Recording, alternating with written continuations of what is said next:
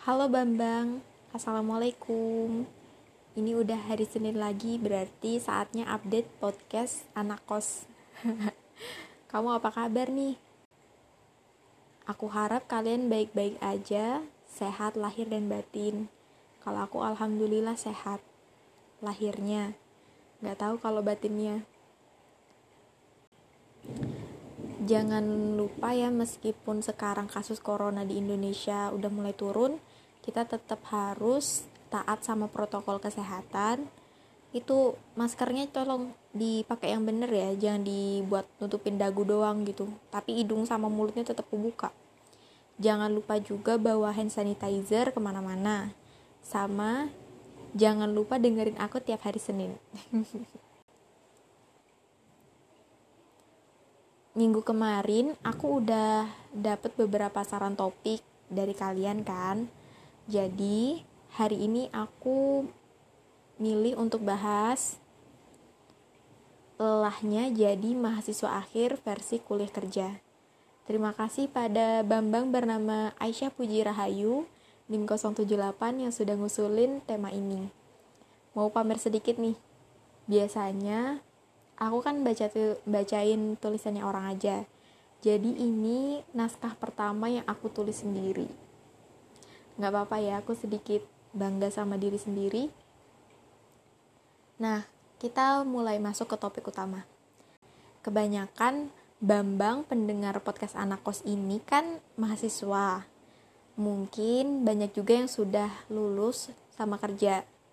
Berhubung topik kali ini tentang kuliah dan kerja aku bakal ngebagiin sedikit pengalamanku sebagai mahasiswa semester akhir dan juga bekerja part-time.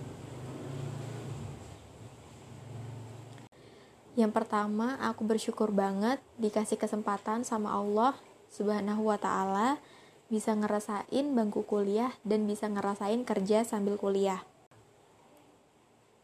Nah, cerita awalnya itu aku mutusin untuk nyari kerja part-time pas awal-awal jadi mahasiswa tingkat akhir.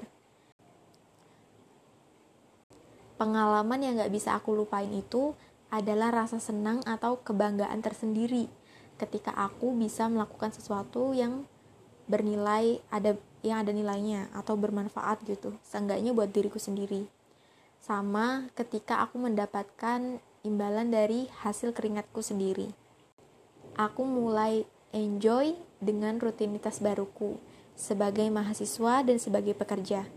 Kalau bisa dibilang lebay nih, aku mulai jatuh cinta sama pekerjaanku, sama rutinitas baruku. Tapi itu nggak bertahan lama. Kenapa?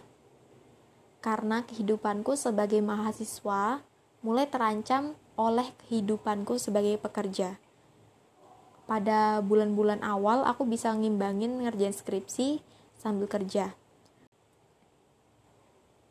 Lalu pada bulan-bulan berikutnya, pekerjaan itu mulai jadi prioritasku. Aku nggak sadar kalau prioritasku ini udah geser gitu. Sampai di satu titik, kos-kosan cuma jadi tempat untuk tidur. Mandi, lalu siap-siap berangkat kerja lagi rasanya waktuku 24 jam dalam sehari itu selalu kurang. Kehidupanku sebagai mahasiswa akhir benar-benar kacau. Jauh dari kata work, study, life balance. Skripsiku waktu itu mangkrak beberapa bulan. Targetku untuk seminar proposal itu sudah jatuh deadline dari beberapa bulan yang lalu. Kegalauan datang, ketika aku dipercaya untuk diberi tanggung jawab lebih di tempat kerja. Sementara aku sudah keteteran dengan yang kupegang pada saat itu. Belum lagi dengan skripsiku yang sudah jadi artefak di pojok kamar kos karena saking gak pernah tersentuh lagi. Karena manajemen waktuku yang buruk, belum bisa tegas dengan prioritas, dan mungkin sifat sombong untuk membesarkan ego bahwa aku mampu yang membuatku tercekik. Aku mulai mundur beberapa langkah dan bertanya ke diriku sendiri.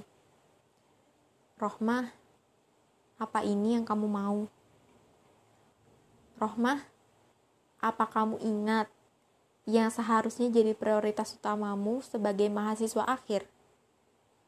Rohmah, apa tanggung jawabmu dalam pekerjaan lebih penting dari tanggung jawabmu kepada orang tuamu?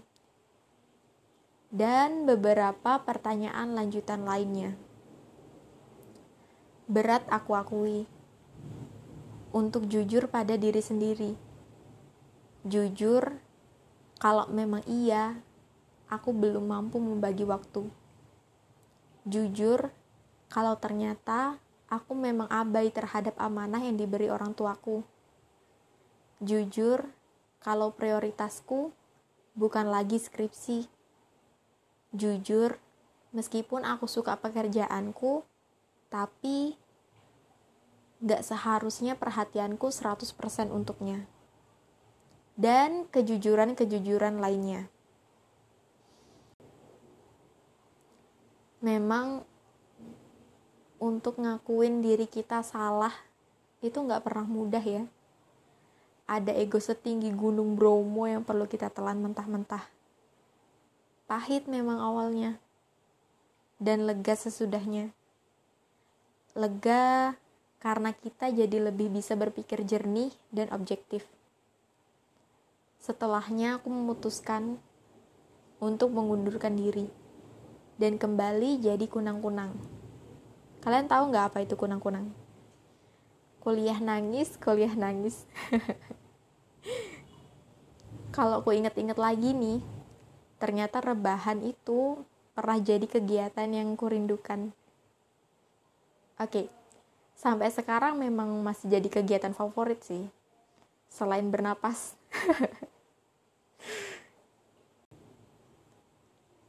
hmm, untuk kalian yang dengar ini, mungkin kalian pernah ada di posisiku, di mana maksud aku di posisiku ini bukan sama persis eh, nggak uh, harus sama persis ya permasalahannya dengan yang pernah aku alamin harus milih kerja atau kuliah mungkin itu dua pilihan lain. Dua pilihan yang sama-sama berat buat kalian putuskan. Dua pilihan yang sama-sama berat untuk diambil salah satunya. Padahal dua-duanya tuh sama-sama penting untuk kalian. Kalau untuk aku pribadi sih aku punya rasa hormat tersendiri ya buat teman-teman yang bisa ngimbangin waktu antara kerja sama kuliah atau kuliah sambil organisasi. Aku juga punya respect yang gede buat teman-teman yang kuliah tapi ngebiayain diri sendiri. Kalian tuh hebat banget beneran deh. Kalian hebat banget. Aku kagumnya itu karena kalian bisa selain membagi waktu itu ya kalian juga bisa memanage uang. Kalian itu bisa manage uh, sosial kehidupan sosial kalian di tempat kerjaan kayak gimana kehidupan sosial kalian di kuliah kayak gimana terus gimana caranya kalian ngebagi waktu buat ngerjain tugas di kerjaan sama ngerjain tugas untuk tugas kuliah dan banyak lagi. Apalagi kalau kalian selain kuliah ngebiayain diri sendiri kalian malah ngasih orang tua gitu. Soalnya kebanyakan dari kita ini kan kuliahnya dibiayain orang tua ya. Terus nggak banyak juga orang yang seberuntung itu untuk dapat beasiswa. Kalian hebat banget. Bisa memperjuangkan keinginan kalian. Terima kasih ya udah dengerin aku. Jangan lupa dengerin kata hatimu. Sampai jumpa Senin depan